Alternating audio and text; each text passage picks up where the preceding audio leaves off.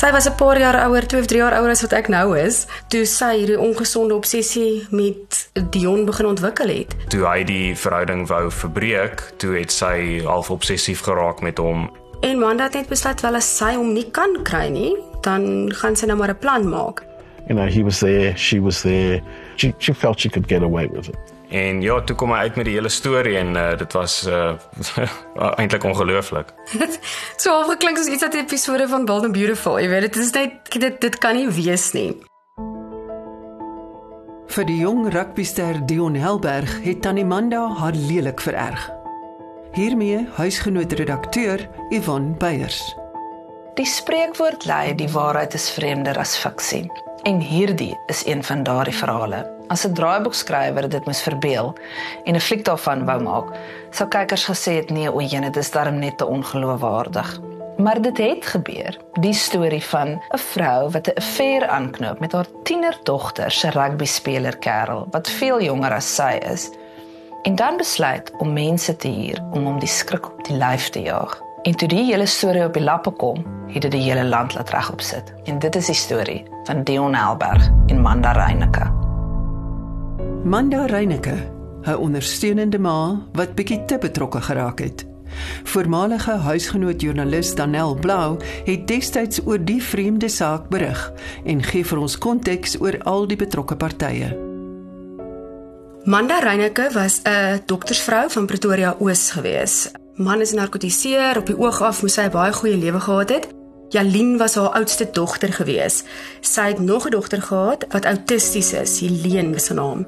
So sy het die dogter versorg. In 'n stadium het sy vir haar man gewerk en later het sy net voltyds haar dogter versorg. En uit koerantberigte blyk dit Manda was daai tipiese ma wat langs die rugbyveld gesit het of die sportveld gesit het, kinders ondersteun het, by naaldwerkgroepies betrokke was.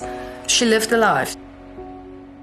En Dion Helberg en Jalien Reyneke was saam in die skool in Middelburg. En die tweeetjies het verlief geraak so tien so tieners nou wat doen. Jalien is beautiful, sy is beeldskoon. So ek kan nogal dink dat hy vir haar geval het.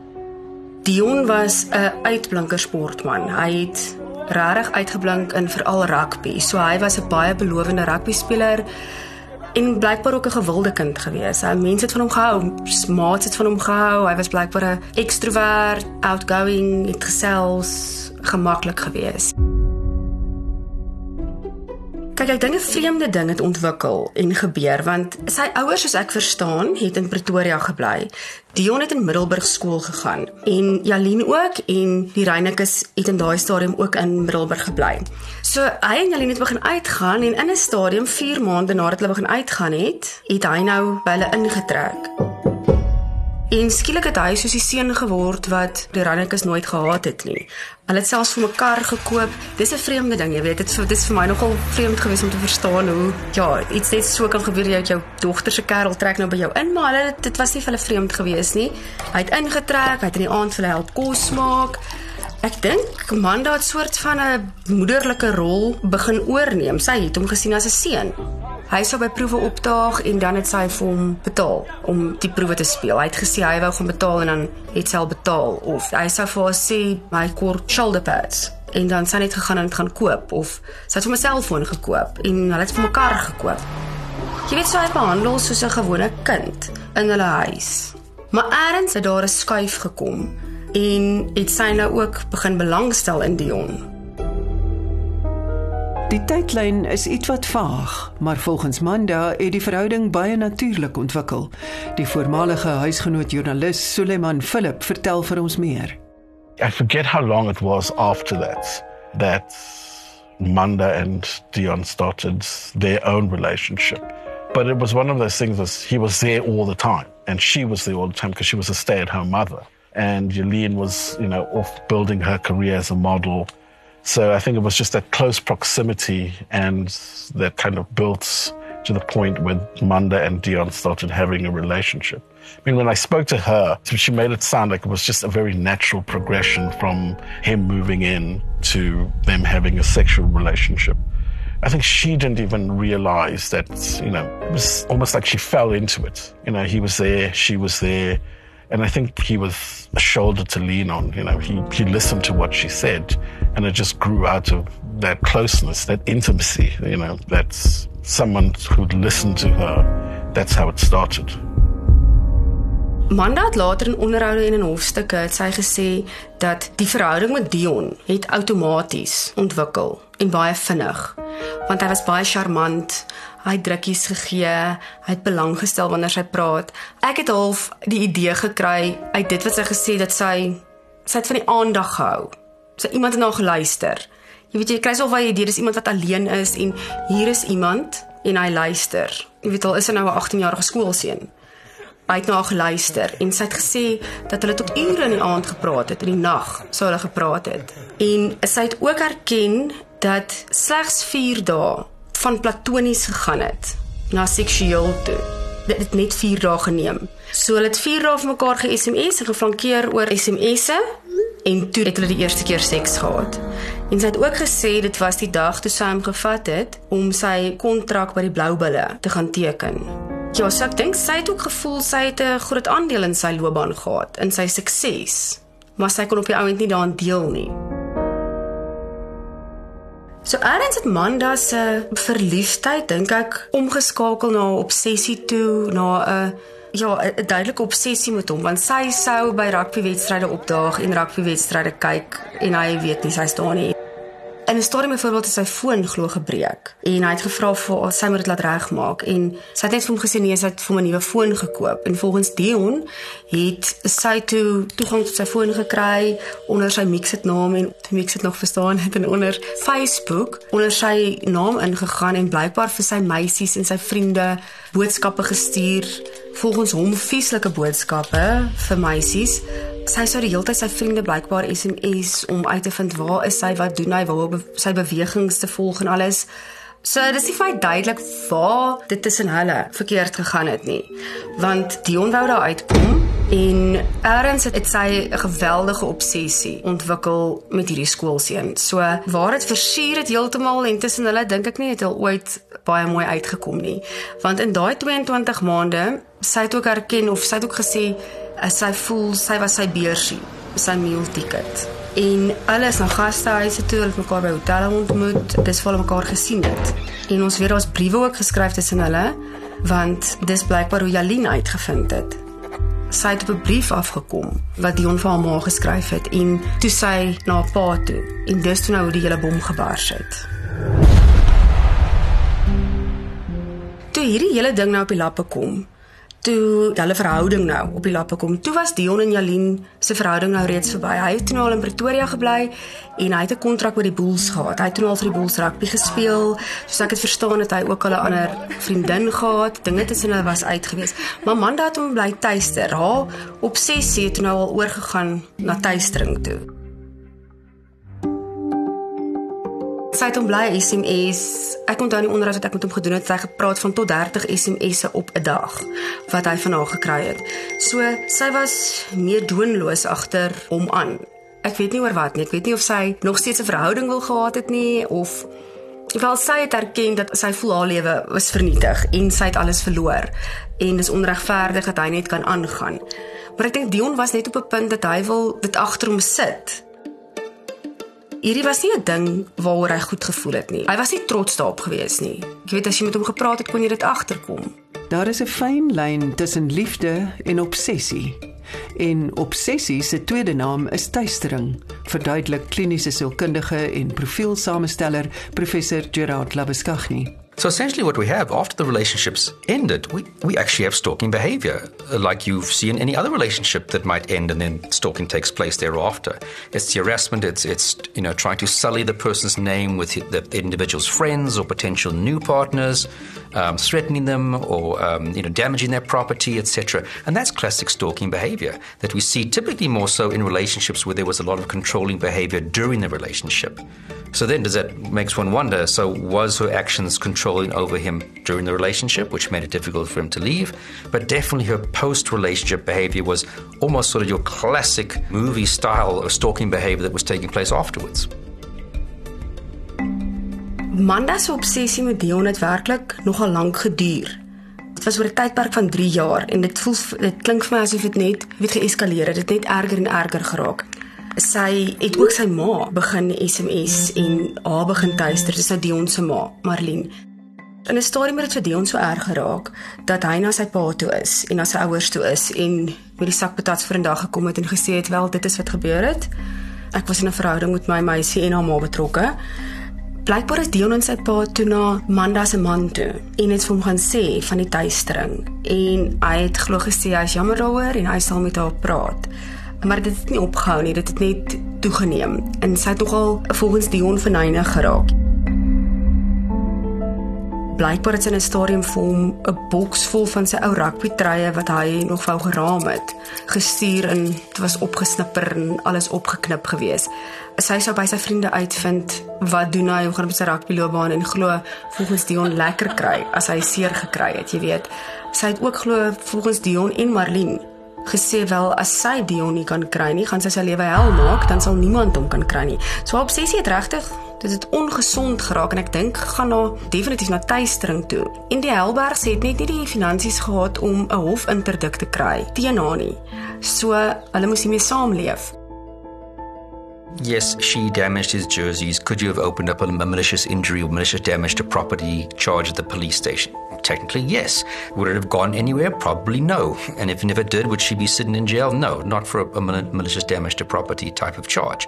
For the stalking behavior, definitely um, they could have taken out a protection order in the Domestic Violence Act, would, have probably been the most appropriate one because there was an intimate relationship between the two of them at some point. Although it had ended, that's fine.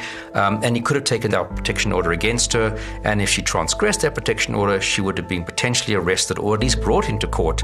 Or they could have uh, approached the court and said she's transgressed this protection order, and she could have then had charges against her for ignoring a court order. Jy weet as jy die berigte gelees het wat in die koerant was met die eerste oogopslag het jy gedink maar is die vrou verveeld of wat? Dit is wat dit was eintlik my eerste ding maar hoe kan jy so iets as jy verveeld wat ek sy was 'n paar jaar ouer, 2 of 3 jaar ouer as wat ek nou is, toe sy hierdie ongesonde obsessie met Dion begin ontwikkel het. En hy het aangegaan met sy lewe, het baie goed gedoen. En ek dink dit het hom vreeslik gegrief dat hy aangegaan het, dat hy 'n nuwe meisie het. Hy het 'n kontrak met die Bulle gehad, het al in die super reeks gespeel vir die Bulls, hy het regtig goed gedoen. Hy is regtig 'n belowende rugby speler gewees. En Manda kon dit nie aanvaar nie. So intussen hierdie Reineke is toe nou Pretoria toe getrek. Sy was in Pretoria Oos het sy erns gebly. En Manda het net besluit wel as sy hom nie kan kry nie, dan gaan sy nou maar 'n plan maak. Sy het letterlik blykbaar 'n vriend van haar gekontak oor Facebook en gevra, "Ontmoet my, weet jy van iemand wat ek weet nie wat se woorde sy gebruik het nie, iemand kan uithaal of seermaak of iets?" Die vriend wou nie betrokke raak nie en sy het in plekke soos die Wimpy die mense gaan ontmoet. Iemand het haar verwys na nog iemand toe wat sy gaan ontmoet het. Die mense wou ook nie betrokke raak nie en toe sy op die spoor van Nigeriërs gesit. En sy het die Nigeriërs gekontak en hulle gevra: "Hier is die ou, dis sy naam, dis sy van op die ouend later ook sy telefoonnommer gegee. Kan jy hom uithaal?" En sy het ook al vir hulle geld betaal. Sy het hulle bedrag geld vir hulle betaal. Ek dink dit was R10000 wat sy al vir hulle betaal het. En dit het lank aangehou. In die hof het dit later ook uitgekom dat sy tot 200 SMS op 'n dag vir die Nigeriërs sou gestuur het. Jy weet wat sy wil weet. Het jy hom seer gemaak? Het jy sy bene gebreek? Het jy hom sy wou sy rugbyloopbaan ook vernietig het. Sy wou nie gehad het hy moes weer rugby speel nie. En in 'n stadium met die Nigeriërs, die een ou het nie meer kans gesien vir die ding nie en hulle het 'n ander man gekry en sy het beloftes gemaak van ek sal jou vir 12 maande R10000 betaal en ek sal vir julle elkeen 'n huis koop. Sy was ernstig dink ek oor hierdie ding gewees. Gelukkig vir Dion het sy by die regte Nigeriërs dink ek uitgekom vir hom nie vir haar nie want blykbaar daar middel November het sy nou besluit dat sy gaan hulle nie meer betaal nie want sy kry nou nie resultate nie. Toe besluit die Nigeriërs maar hulle gaan nou nie so vinnig terugstaan nie. Hulle bel toe vir Dion en sê toe vir Dion hoorie, daar is 'n kontrak uit op jou lewe. Ons moet jou doodmaak. Um, hierdie vrou het ons gehuur om jou seer te maak. En hy het gedink dit is 'n grap. Dis hulle van nie nee, is jy Dion Helberg? Ry jy hierdie kar? Is dit jou registrasienommer? Is dit waar jy woon? En ek dink hy het hom toe koud geskrik en toe het hy besef maar dit is so. Sy is nou besig om haar dreigemente wat sy nou al so lank maak om hom seer te maak en sy lewe te vernietig en te verwoes sy is besig om dit te doen.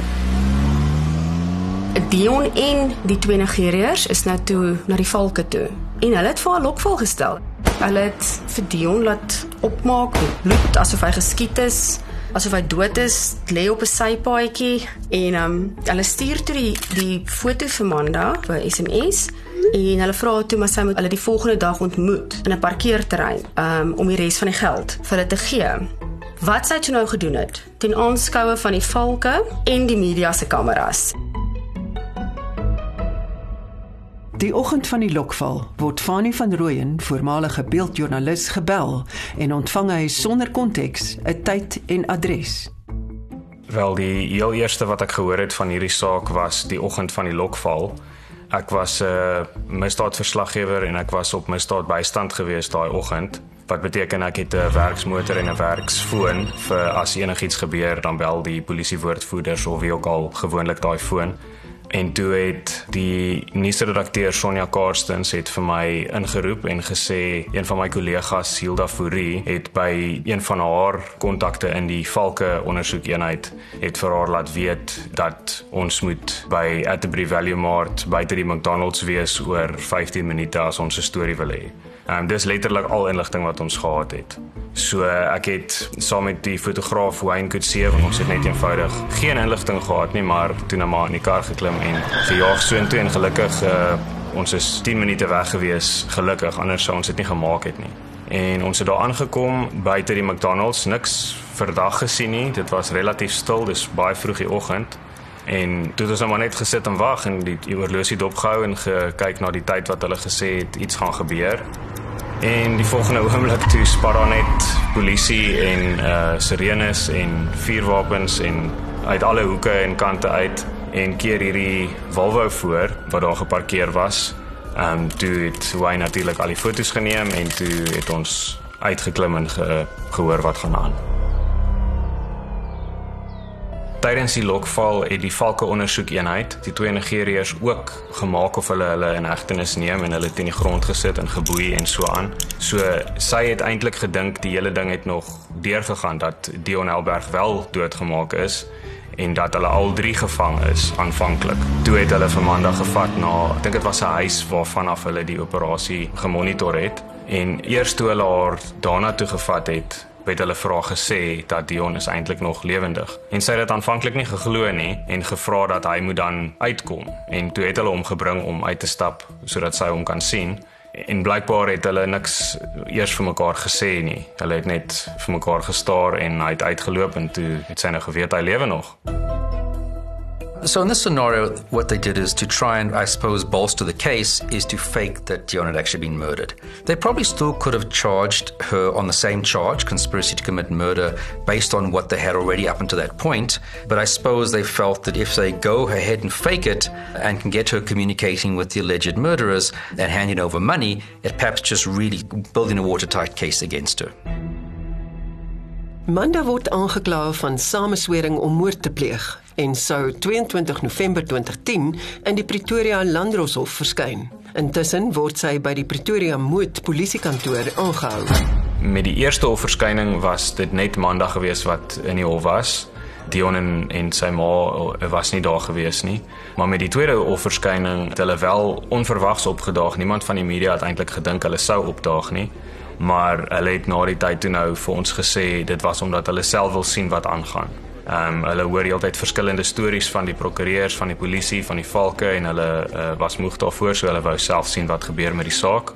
En daar het ons toe uh kortliks met Dion gepraat, maar hy het eenvoudig gesê hy is baie verlig dat dit verby is. Hy het gevrees vir sy lewe um vir 2 jaar lank blykbaar, want hy het lankal begin om hom te dreig en hy het gesê die die blou bulle sou 'n verklaring namens hom uitgereik het en hy wou nie eintlik veel meer as dit gesê het nie. Maar hy was jy weet jy kon sien hy's verlig. Hy hy was baie ontspanne.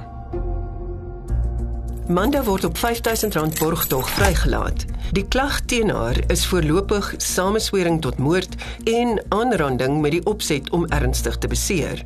Alternatiefelik staan sy tereg op aanklag dat sy 'n ander persoon uitgelok of aangehits het om 'n misdryf te pleeg. If the Nigerians or whoever you get is successful in committing the, the violent act, let's say it's an assault against another person that you pay them to do, you can be charged also with assault, or you will be charged with assault if you're caught along with those individuals. And in fact, you, as the main instigator, could even end up with a heavier sentence. Same thing with murder. If, if you pay three guys to go and murder someone, they'll be charged with murder, you'll be charged with murder, but a good chance you're going to get a heavier sentence than the people who actually even wielded the knife, so to speak. Um, in this case, of course, we don't have the violent crime occurring. It's just the conspiracy part of it to commit the act. So, technically speaking, the law says you can get up to whatever act it was that they were supposed to do in terms of a punishment. So, if it was murder, you might be able to even get up to a proper murder conviction type of punishment although it was just conspiracy. But typically, what you're going to find is because the ultimate act did not occur, the courts will probably give you a lesser sentence. And then it's kind of sort of up in the air in terms of, of course, what the prosecution presents for arguments at, at aggravation and the defense presents in terms of mitigation. Uh, it also might be influenced if you plead guilty or not. The courts might look more favorably upon you and give you a lesser sentence, or in your guilty plea, you can actually even negotiate the sentence with the prosecution and then go to court with that. So you've got the convict, the, the guilty plea, and a negotiated sentence prior to it. And there can be various reasons why that might be a better option for the court or for the circumstances that, the, that they would go for that. So again, the ultimate sentence is, is kind of up in the air as to what is a typical. I don't think this is a very typical crime for people to be convicted of. So there's no real, I don't think, a real benchmark as to what should a person get. Op 14 November 2011 beken Manda skuld op 'n aanklag dat sy mense uitgelok of aangestig het om Dion aan te rand met die opset om hom ernstig te beseer. She got uh, was a non-custodial sentence, which she was grateful for because I think if she'd actually gotten someone to hurt him, that would have been different. She would have gone to prison. But because there was no actual injury, and because she actually stood up and, and admitted guilt immediately, the courts went, well, not easy, but easier on her. So I think she, she, she was given advice that if she accepted responsibility for everything that had happened, she would get a non custodial sentence, which is what she chose. Landros Adrian Becker vonnis haar tot 3 jaar tronkstraf wat vir 5 jaar opgeskort is. Sy moes ook 16 uur per maand vir 6 maande by die sentrale vroue gevangenis in Pretoria gemeenskapsdiens doen.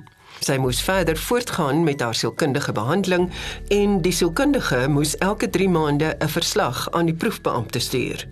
So she was ultimately sentenced to three years suspended for five years. Now, that's a complete suspension of the sentence. So, what that means is she would have been given three years sitting in prison, but the court says for the next five years, we're going to hold off on that. And if you behave yourself and you don't get convicted of a similar crime, that's usually the wording, then you will, after those five years, everything falls away. But within that five year period, if you get convicted of a similar crime, that sentence of three years comes into effect. And whatever new crime it was that you committed, you will be obviously be charged and prosecuted, and of course guilty. You will get a new sentence for that separately. So that's typically what we mean by uh, a suspended sentence. But it also means there's not really any rules or like parole rules or bail regulations that you can impose upon the person beyond that you're not supposed to commit that similar kind of offense again. So pretty much they can live their lives as a free person as opposed to someone who's out on bail that has conditions or someone who is out on parole that has certain conditions because the sentence is actually suspended. In 'n onderhoud met 'n Australiese weergawe van 60 Minutes, erken Dion uiteindelik dat hy wel 'n seksuele verhouding met Manda gehad het en dat 'n deel van hom dit geniet het. Dit was die eerste keer sedert die bom gebars het in 2010 dat Dion erken dat hy seks met Manda gehad het. Josimanda het skynbaar toe nou ook nie haar streke laat staan nie. Sy het toe nou net afvisier op iemand anders gestel. Sy het in 'n Martin Baardenhorst begin belangstel. Die man was 'n loodgieter en sy het hom eendag laat uitkom om in sy vernoot na twee slaapkamer meentuis om daar herstelwerk te gaan doen. En toe het sy later net allerlei planne begin maak. Toe sy hom nou meer en meer begin nooi en al hoe meer gereeld begin nooi. Toe die man nou snif in die neus begin kry. Hy het ook 'n meisie gehad En die meisie was bang. Sy was by in die onderhoud terwyl ek daar was. Want Martin het gesê Amanda probeer hom daar kry. Sy maak planne dat hy moet kom wyn drink. Sy stuur vir hom uitlokkende boodskappe op sy selfoon. Sy vertel jok stories dat hy rondsla by meisies. So volgens Martin het sy weer met haar streke begin. Hy sê in 2013 dis juist toe wat begin weird raak het. Hy sê toe hy gegaan het om kwotasie vir haar te gee, toe het sy hom begin uitvra oor sy lewe en sy het vir hom spesifiek gevra speel hy rugby. Hy sê die een middag het sy hom ook kom roep vir middagete en toe sy 'n tafel gedek net vir die twee van hulle om te sit en middagete eet. Maar hy het dit baie vreemd gevind. Jy weet hy was nie gevlei daardeur nie. Hy het hy het vreemd gevind. Toe het sy begin om vir Martin boodskappe te stuur op Facebook, op WhatsApp en so baie dat hy haar geblok het op Facebook en ook op sy slimfoon het hy vir my gesê. Hy het eendag by 'n vriend se huis gestop en toe hy sien toe stop sy langs hom by die vriend se huis. Dit was natuurlik uit die veld uit geslaan. Hy het dit glad nie verwag nie. Martin het nou genoeg gehad. Toe sy nou sy besigheid begin beswadder op Hello Pieter. Want dit natuurlik raak dit sy inkomste. En dit sien nou ook jokstories daar gaan versprei. En dis toe hy nou weer hoe die hele sak patats vorendag kom en media toe gaan. En ek het vir Manda 'n paar keer genader vir kommentaar. Martin het in rapport ook gepraat hieroor en sy wou nie. Sy het net gesê nee, jammer, sy gaan nie kommentaar lewer nie. So dink nie dat verder weer iets gebeur of van gekom nie. Maar Martin is die laaste man waarvan ek weet wat sy dan nou na bewering sou tuister. Huisgenoot joernalis Jaco Hougkoetse is passievol oor liefde en vertel vir ons van Dion se verdiende gelukkige einde. Ek hou van liefdesverhale. Dit is my ongelooflik lekker as ek saam met 'n verloofde paartjie sit en kuier en nou daai stories dan luister hoe hulle verloof geraak het. En weet jy, elke verloofde paartjie het 'n unieke manier oor hoe hulle verloof geraak het. En dit is presies dieselfde geval gewees met Dion en Janie Gous gewees. Nou, hulle twee het mekaar ontmoet in ehm um, dit was Junie 2016 gewees. Toe hy net vir die Pumas begin rugby speel. Almal weet Nelspruit is nou nie hierdie ongelooflike groot stad nie. So die kringe beweeg maar in mekaar vriendskapskringe en dis hoe hulle letterlik hulle mekaar ehm um, ontmoet het. Sy verjaar toe op 23 Februarie 2017. Yes, en hy stuur toe nou dis nou minder vir 'n jaar nadat hulle mekaar ontmoet het. En um, hy stuur toe nou vir haar teksboodskap um, om haar geluk te wens met haar verjaarsdag en sommer in hierdie boodskap sê hy maar sommer net vir haar um, kom ons kuis nou net en kry klaar. En sy sê, "Oké." Okay. En daar's hulle gekuis. Net so. Hy het vir my gesê hy's mos nou eintlik 'n romantiese tipe nie. Dis sommer kom ons kuis en kry klaar. Dit was 'n paar maande later, November daardie jaar 2017, gaan kuier die tweetjies toe nou ehm um, by sy sussie en sy swaar in Kanada. Hy konkel toe nou agteraf met sy sussie Nina en dat hulle nou die spesifieke dag met 'n kabelkarretjie met die rotsgebergte nou sal opgaan en ja net hoogtevrees sy wou hom nie teleurstel nie want hy het heeltyd gesê hoe sien hy uit na hierdie kabelkarretjie rit op die rotsgebergte en Dion het seker gemaak daar's niemand anderster wat hulle gaan sien nie want hy sê hy sou dit nie hy sou nie op sy knieë gegaan het as daar ander besoekers was nie. En toe hy sien daar's niemand nie ja toe gaan hy op sy knieë en hy vra haar om met haar te trou.